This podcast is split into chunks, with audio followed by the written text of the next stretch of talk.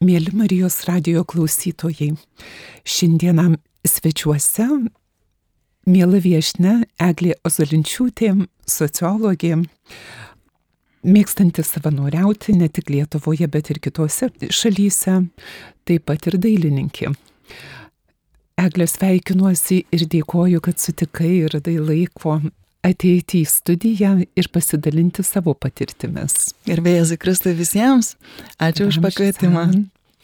Ir laidą vesiu aš sesuo Daiva Kuzmitskaitė ir šiandien mes kalbėsimės turbūt labiausiai apie savanorystės, nežiūrint to, kad Egle ir daug keliauja. Bus įdomu ir apie tai sužinot.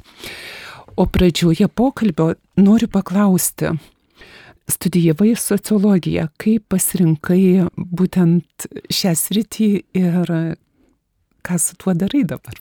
Norėčiau pasidalinti savo istoriją, kaip mano tėvai iš tikrųjų paskatino mane, to nežinodami, iš esmės pasirinkti sociologijos studijas.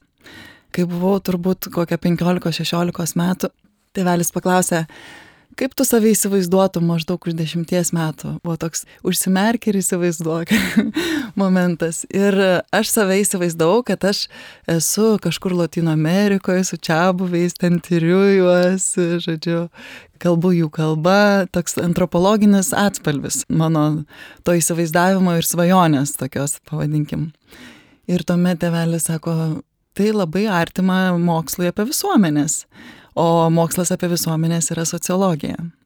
Tai tokiu būdu jie pakreipė mane rinktis šias studijas ir įstojau į Vytauto didžiojo universitetą, studijavau bakalaurą, magistrą ir po kiek laiko po pertraukos grįžau į doktorantūros studijas būtent sociologijos srityje. O gal pasidalint gali, ką doktorantūroje? Doktorantūros mano darbas buvo apie mokinius, kurie baigia vidurinę mokyklą, gimnaziją ir pasirenka savęs ieškoti tuo nelinijiniu būdu, tarkim, kai mes turime visuomeniai tam tikrus dažniausiai lūkesčius, kad po mokyklos, po gimnazijos žmogus tos į aukštąją mokyklą iš karto, paskui baigęs vieną ar kitą studijų pakopą ieškos darbo ir sėkmingai integruosis darbo rinkoje. Tai dažnai žmonės jauni iš tiesų nežino, ko jie nori dar. Yra daug dalykų, kurie galbūt jiem patinka, kuriuos norėtų pabandyti, arba pradeda studijuoti ir supranta, kad tai ne jų kelias. Tai tarkim apie tos žmonės, kurie turi drąsos pasakyti savo stop tarkim, reflektuoti, skirti tam tikrą laiką, refleksiją apie savo gyvenimą, apie savo pomėgius, apie savo talentus ir galbūt tą laiką skirti išbandyti save vienoje ir kitoje srityje. O savanorystė yra glaudžiai susijusi su tuo. Ir skamba, kad disertacijos rytis tema yra ir pačios gyvenimo atspindys. Kažkiek taip, galbūt tai pas mane netokie drąsūs pokyčiai arba posakiai buvo, nes mano pirmas tarpas buvo po magistro studijų.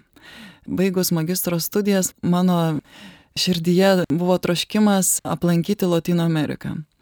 Ir aš kažkaip buvau jau pradėjus ieškoti įvairių projektų. Ir būtent magistro studijų pabaigoje viena iš organizacijų, kuri užsima savanorysčio organizavimu per Europos savanorių tarnybos tinklą, pasiūlė man vykti į Kolumbiją. Pusiai metų projektas.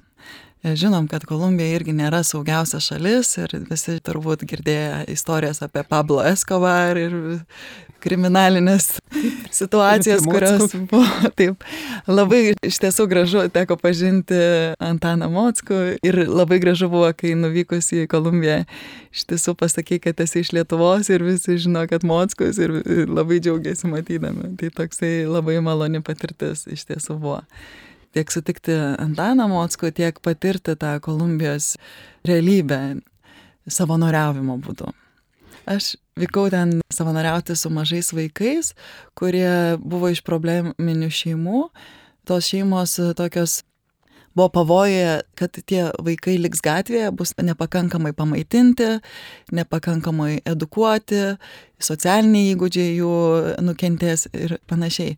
Tai būtent tas dienos centras buvo įsteigtas šeimos, kurie patys negalėjo susilaukti vaikų.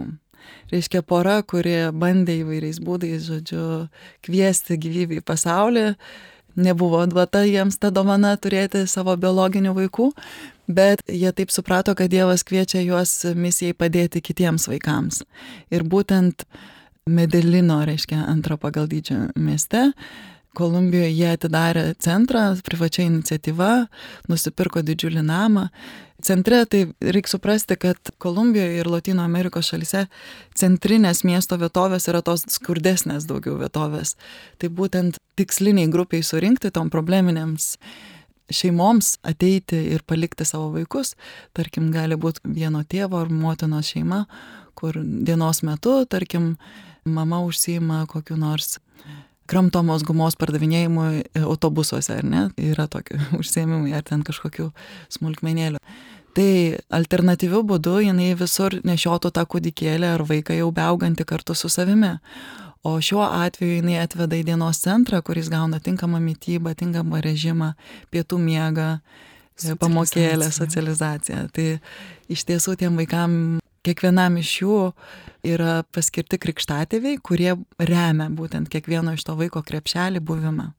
Tai tokia labai graži iniciatyva, kuri užgimė būtent privačios šeimos rate ir iš tiesų iš jos galima būtų pasimokyti turbūt daugeliu šeimų, kurios turi tas galimybės inicijuoti gražius projektus gyvenime ir įprasminti tą biologinį savo vaikų neturėjimo momentą nuostabu, žinai, klausaus ir taip galvoju, na, tai yra toks dieviško veikimo principas, kai atrodo yra didžiulės toka ar netektis trūkumas, o iš tikrųjų gausa per tokį savanorišką rankos ištiesimą net ne vienam, net dviem vaikam.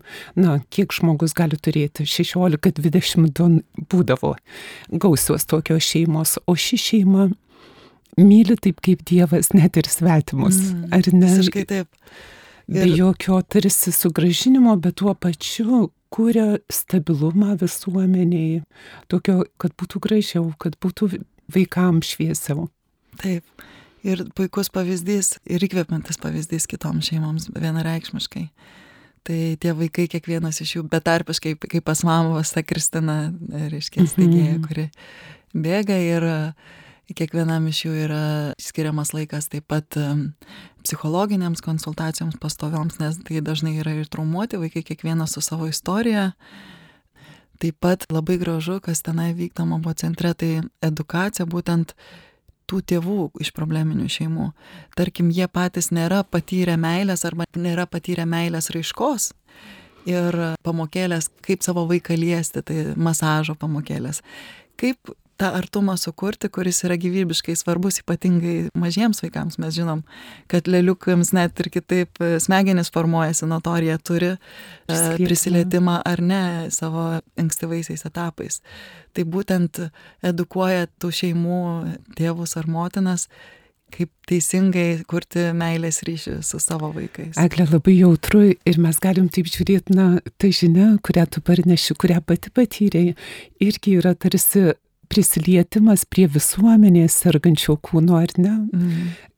Perneši modelį. Kol kas aš tik dalinuosi tą patirtim, prie kurios teko prisiliesti, bet tai yra labai praturtinantis momentas, kai matai realius pokyčius ir matai tas visuomenės, kuriuose, reiškia, turėti pusryčius ant stalo nėra savaime suprantamas dalykas, kaip mums gali dažnai atrodyti gyvenant Lietuvoje. Eiti į mokyklą nėra savaime suprantamas dalykas, kaip vakarų europiečiams. Tai tie tokie dalykai, kur tu suvoki, kad gyveni iš tiesų privilegijuotoj visuomeniai, iš tiesų privilegijuotoj terpiai ir gali prisidėti prie tam tikro pokyčio kitose šalise. Tai čia buvo mano, reiškia, tas tarpas, kur aš buvau po magistro studijų, jeigu taip grįžtant į temą. Aha. Ir grįžus iš Kolumbijos, jau buvo šiek tiek pramokta ispanų kalba, nes Vytauto didžiojo universitete teko studijuoti dar prieš išvykstant ispanų kalbą metus. Toliau su vaikais komunikavom ir ne tik su vaikais Kolumbijoje. Ir kilo mintis nuvykti į Ispaniją. Tai mano pirma darbinė patirtis buvo su finansų administravimu tarptautiniai kompanijoje IBM, paskui Accenture, būtent Madride. bet visą laiką kažkaip širdis ilgėjosi to tokio kvepavimo daugiau. Aš pradėjau ten tapyti, taip pat labai sukosi mintis apie Indiją. Kodėl Indija nežinau, bet toks būna momentas, kai kurį laiką vis sukasi mintis apie kažkurią šalį ir galbūt tai yra Dievo kvietimas aplankyti arba prisidėti kažkokiu būdu prie to šalies. Ir pradėjau ieškoti projektų Indijoje ir atradau su tarptautinė organizacija Initiatives of Change, pokyčio iniciatyvos, projektą, kuriame galima buvo savanoriauti, atstovauti savo šalį, kalbėti apie pokyčių inicijavimą visuomenėse ir būtent išvykau tuomet į Indiją keliams mėnesiams. Ir tai yra savanorystė. Taip. Ir ką ta savanorystė reiškia, kaip sudara pačios tuose ieškojimuose ir tuo pačiu tokiam išsipildymą turbūt. Jo aišku, nemažai paminėjai, kai kalbėjai apie Kolumbiją, bet Kolumbija buvo pirmoji šalis, o kas toliau? Toliau buvo ilgesniam laikotarpiu toliau Indija ir aš buvau vienintelė europietė ten atvykus tai toksai pažinimas kitos kultūros, vien valgymo kultūra ar ne, tai čia viskas persidengia su sociologija, mokslas apie visuomenės, tiesiog tu tai išgyveni savo kailiu, kaip lietuviai sako. Tai buvo dar toksai momentas netikėtas kelioniai, kai atvykus į Indiją man pranešė, kad aš turiu išvykti, reiškia po trijų mėnesių buvimo aš turiu išvykti ir tik tada galiu po dviejų mėnesių nebuvimo šalyje atvykti vėl. Ir toks buvo nežinomybės momentas, bet ta organizacija Initiatives of Change yra tarptautinė organizacija. Tokiu būdu man suorganizavo dar dvi šalis - tai Malazija ir Indonezija. Po jas mes keliavom su komanda ir pasakodavom apie būtent e, pokyčio iniciatyvos pačią idėją organizacijos, o organizacijos idėja yra skatinti žmonių savirefleksiją, taip pat tarp kultūrinį dialogą ir e, skirti laiko tylai kurios metu Dievas mums kalba, iš kur mes bebūtume, kokioje šalyje begyventume ir iš kokios kultūros bebūtume. Tai skirimas laiko tylai užrašams tam įkvėpimui, kuris gali tylos metu ateiti. Ir būtent tie troškimai turbūt išsikristalizuoja ir tylos metu. Tai jeigu kažkokius mes turime paskatinimus gautus tylos metu, juos užsirašom, galbūt verta žengti žingsnį jų realizacijos link. Ir jeigu tai yra Dievo valia, jisai laimins ir turbūt atverinės tas dureles. Jeigu ne, pabandėm ir ačiū. Tai būtent ta organizacija apie tai, kad um, visas kultūras vienyje tam tikros pagrindinės vertybės, tai yra sažiningumas, tyrumas, nesavanaudiškumas ir meilė. Ir per tuos keturis imperatyvus arba tos absoliutus mes galime pasitikrinti tas mintis, kurios ateina mums tylos metu. Iš kokio šaltinio jos ateina. Tai leidžia truputį perfiltruoti ir tuomet žengti žingsnį jų realizacijos link. Tai pati idėja tokia yra, kad nuo pokyčio manyje priklauso pokytis aplinkoje nuo pokyčio aplinkoje priklauso pokytis mano šalyje, o taip pat ir pokytis pasaulyje. Tas be the change you want to see in the world, būk pokyčių, kurį nori matyti pasaulyje. Ta gan, Gandhi reiškia garsi frazė ir būtent pritaikoma šioj organizacijai. Mėly Marijos radio klausytojai, šiandieną laidoje kalbame su Egle Ozolinčiūtė, sociologė, keliautoja, tapytoja. Ir aišku, visa tai atsiskleidžia per jos savanoriškas patirtis, žingeidumą. Ir tuo Egliai dalinasi su mumis. Turėsim trumputę pertraukėlę ir po jos vėl grįžime į studiją. Mėly Marijos radio klausytojai, su sociologė Eglė Ozulinčiūtė toliau kalbamės apie savanorystę, keliones ir tai, ką prieš pertraukėlę sakė, apie mūsų poveikį arba meilės estafetės poveikį visuomeniai, savo kraštui, pačiam savo, savo artimiausiai aplinkai. Eglė, buvai ir Afrikoje, tokia tolima šalis, kaip ji tau tapo artima? Tai čia, jeigu mes truputį tęsime tą liniją, kurioje mes, tarkim, nešiojamės kiekvienas turbūt troškimą širdyje vienokį ar kitokį, kad vieną dieną aš norėčiau, tarkim, skristi oro balionu, ar ne? tai mano širdį buvo toks vieną dieną, kad aš norėčiau savanoriauti Afrikoje. Ir tas troškimas buvo jau ne vienerius metus mano širdį, bet taip atrodo, kad tarsi nebuvo tinkamo laiko ir, žinot, baigiau studijas, grįžus į Lietuvą doktorantūros, pradėjau dirbti Ir kažkaip vieną dieną aš sėdžiu kabinete ir galvoju, tai ką aš veikiu dabar, aš galėsiu ir vėliau veikti savo gyvenimą.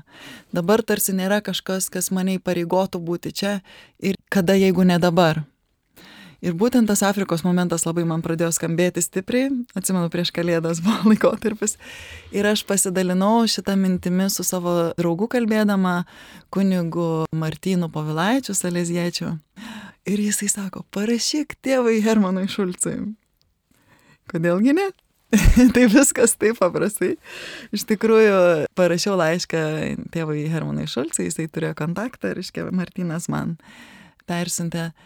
Ir naujų metų dieną sulaukiu atsakymo, kad, mėla Eglė, prašom, vaikai visuomet laukia širdies šilumos ir kada bet vyktum, esi laukiama.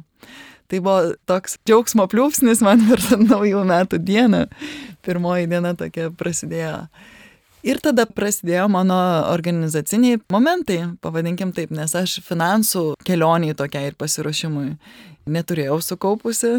Ir reikėjo kažkaip organizuotis taip, kad jeigu tai yra Dievo valia, kad tai įvyktų.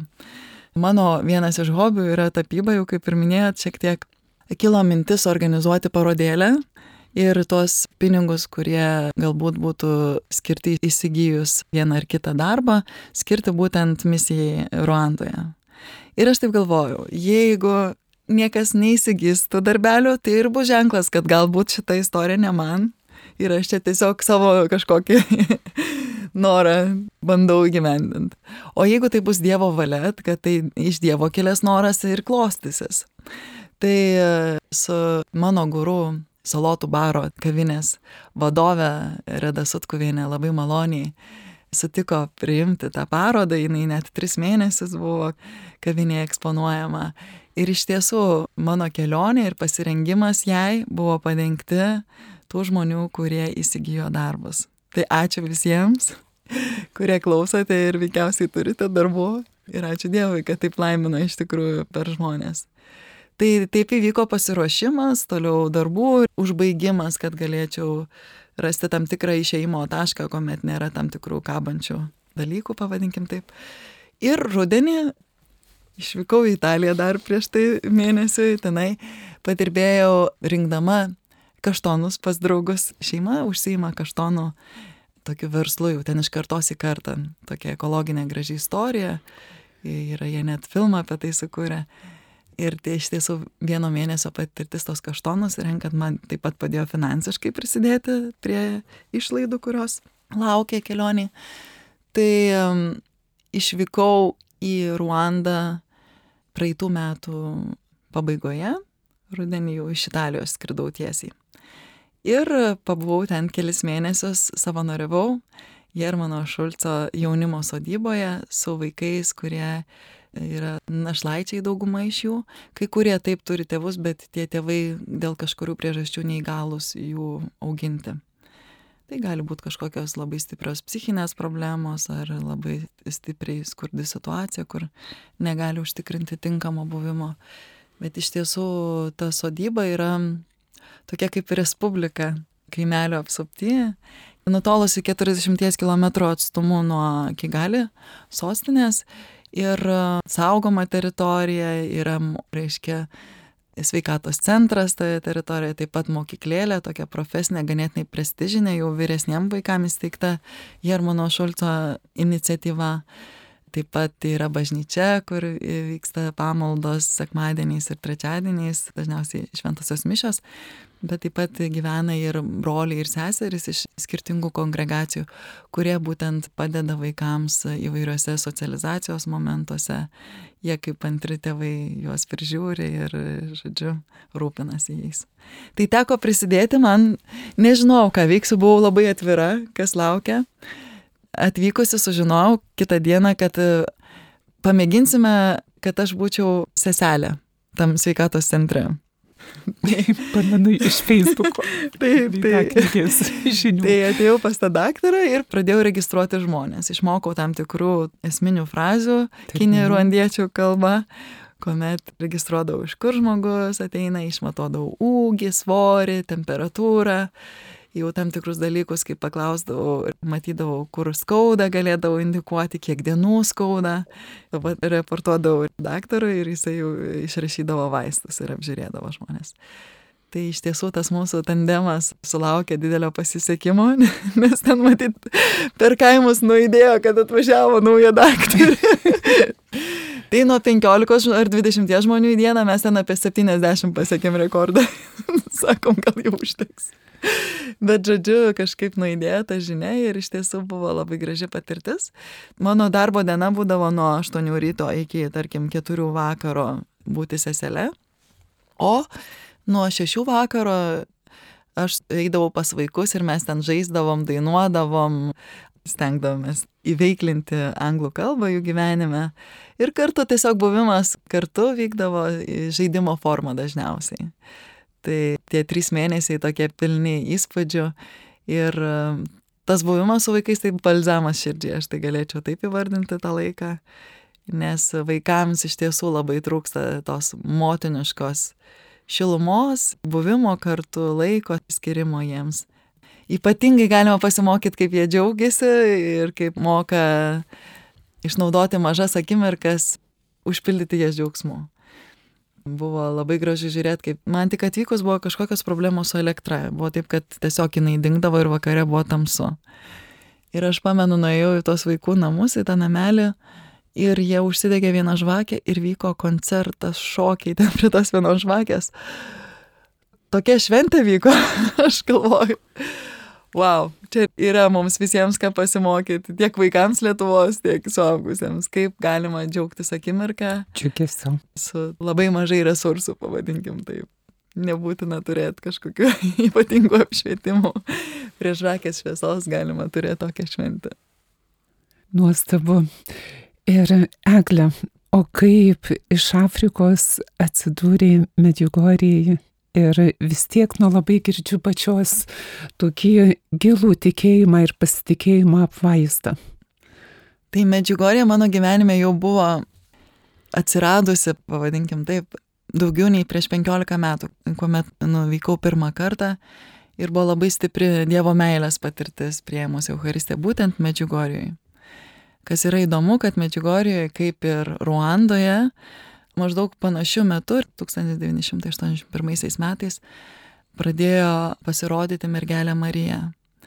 Ruandos atveju tai buvo labai skausmingos žinutės ir perspėjimai. Netgi Ruandos mergelė yra vadinama skausmų motina. Ir jeigu žinot skausmų rožinį, tai būtent tai priminė žmonėms, kad melskitės tą skausmų rožinėlį, nes gali atsitikti labai kraupus dalykai, kas ir įvyko Ruandos genocido metu. Beje, labai panašiu laiku, kuomet vyko genocidas ir Bosnijoje. Tai būtent tose žinutėse Marija kalbėjo apie kraujo upes, kas vyko labai stiprios to iliustracijos realiam gyvenime. Ir net ir Kibehė, kur vyko patys apreiškimai, buvo išžudyti masė žmonių bažnyčioje. Ir viena iš regėtojų buvo pati kankinė. Realiai tai, kuriai buvo primintas tas skausmų rožinis. Tai e, ta žinutė Marijos ir aš jaučiu, kad mane kažkaip labai lydi nuo Medžiugorijos pirmos patirties.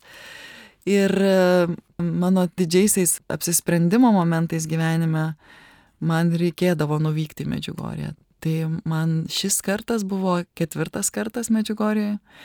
Ir e, aš norėjau pabūti ilgiau nei savaitę ar dvi. Tokį paragauti, kaip ta būtų patirtis ne piligrimo kailyje, o galbūt savanorystės taip pat.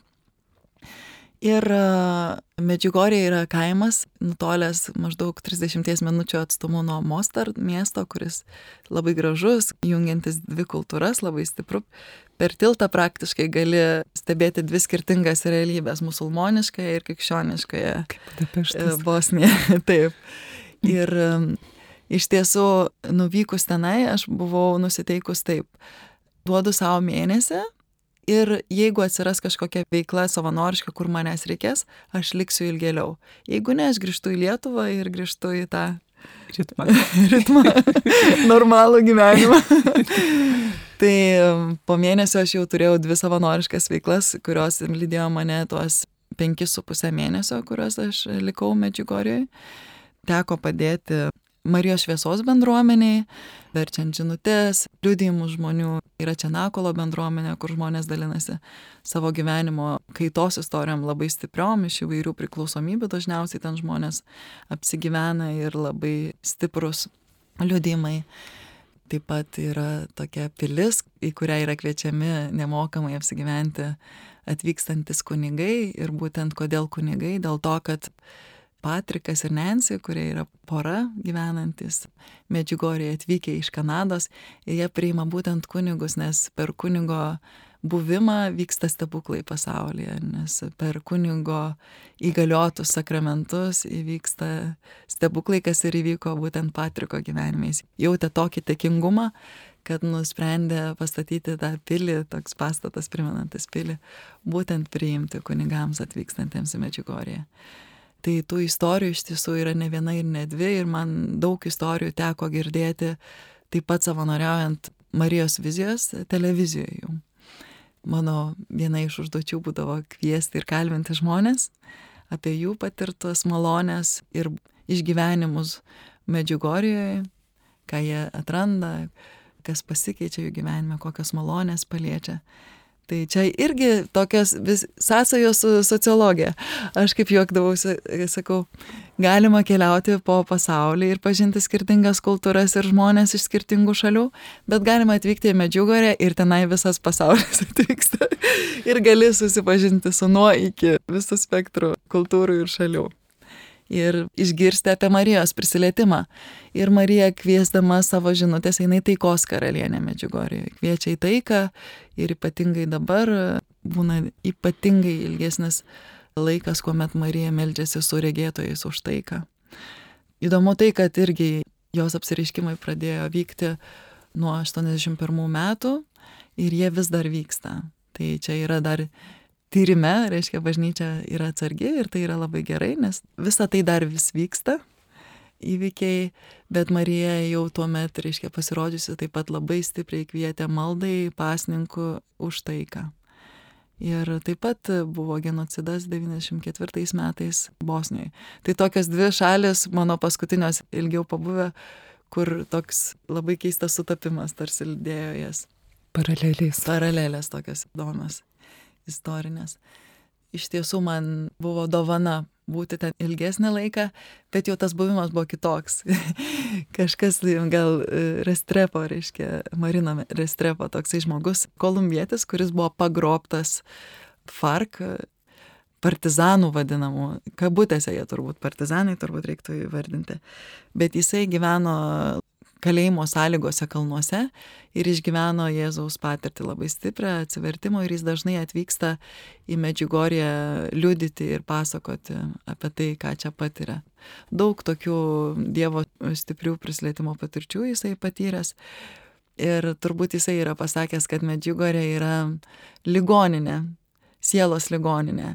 Bet mes turim labai aiškiai suvokti, kokiu mes vaidmeniu atsirandam Marija visus kviečia, jinai yra pasakius, kad niekas neatvyksta į Medžiugorję, jos nepakviesti.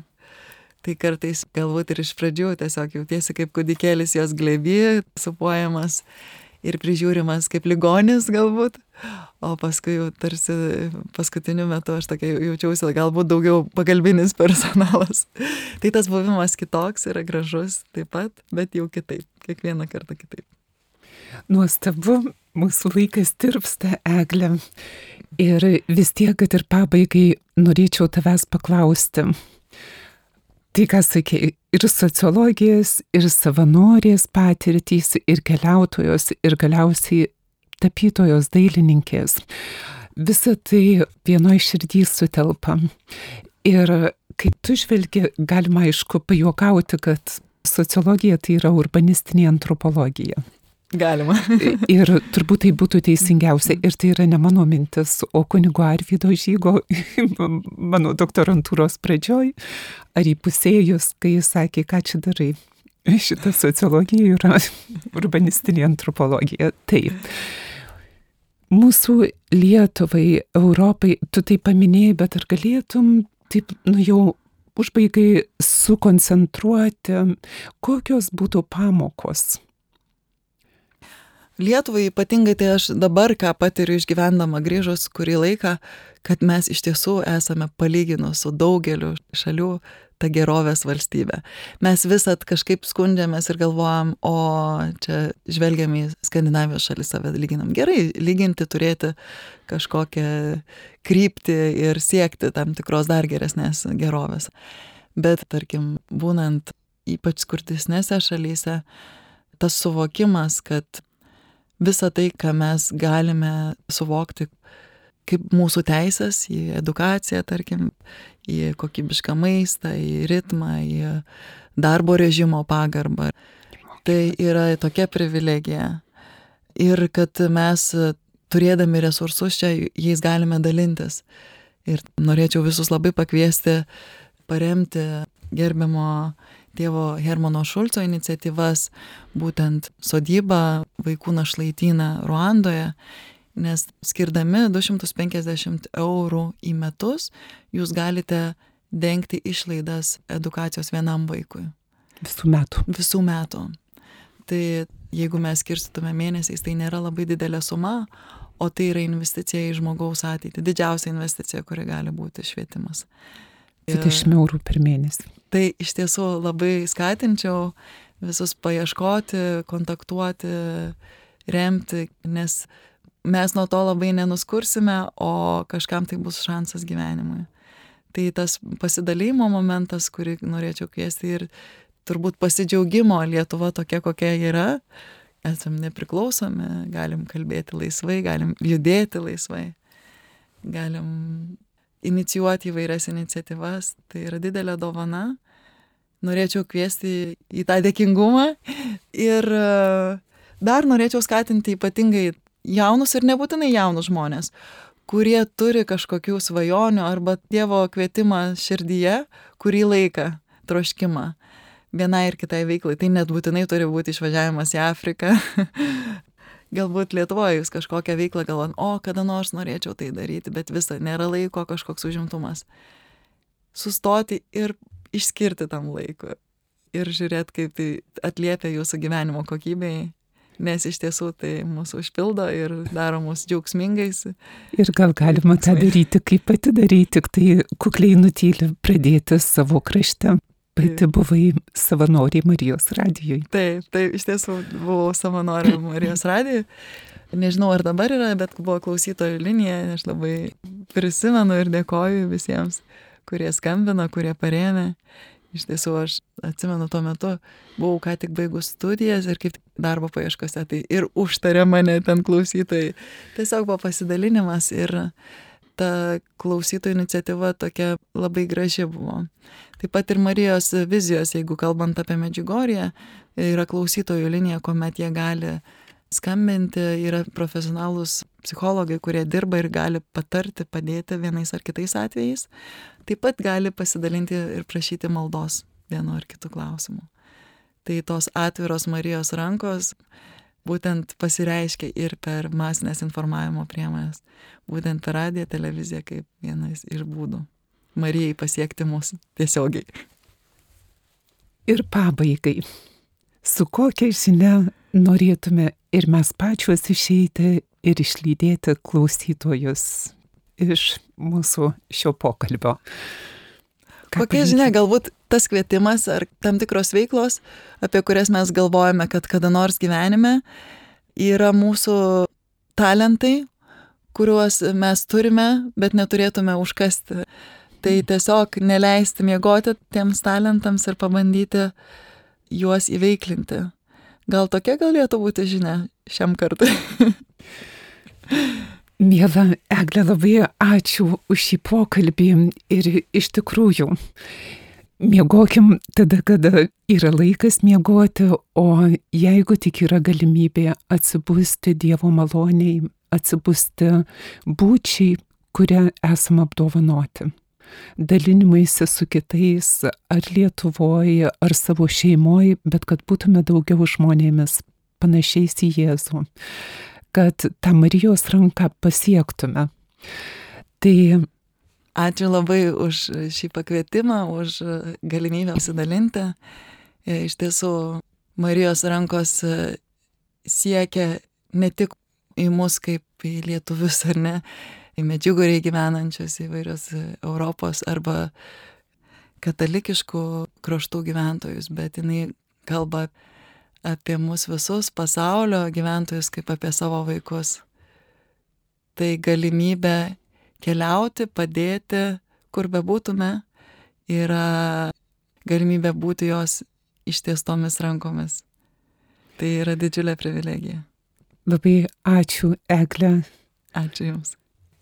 Mėly Marijos radio klausytojai, primenu, kad šiandieną su Egle Ozulinčiūtė, sociologė, keliautoja, savanorė, ypatingai užsienio šalyse, kalbėjomės apie jos patirtis ne tik gero darimo, bet ir santykio su Dievu. Ir kvieščiau prisiminti eglę maldoj ir lydėti ir tuo pačiu pasidžiaugti, kad Lietuvoje yra jaunų žmonių, giliai tikinčių, atsidavusių Dievui visą širdimi ir nebijančių kaip Abraomas keliauti į nežinomas šalis, eiti savo gyvenimo keliu, visiškai atsigręžus į viešpaties veidą, į jo valią. Dėkoju Jums už Jūsų dėmesį ir iki kitų kartų laidą vedžiau aš sesuo Daiva Kuzmitskaitė su Dievu. Su Dievu, ačiū.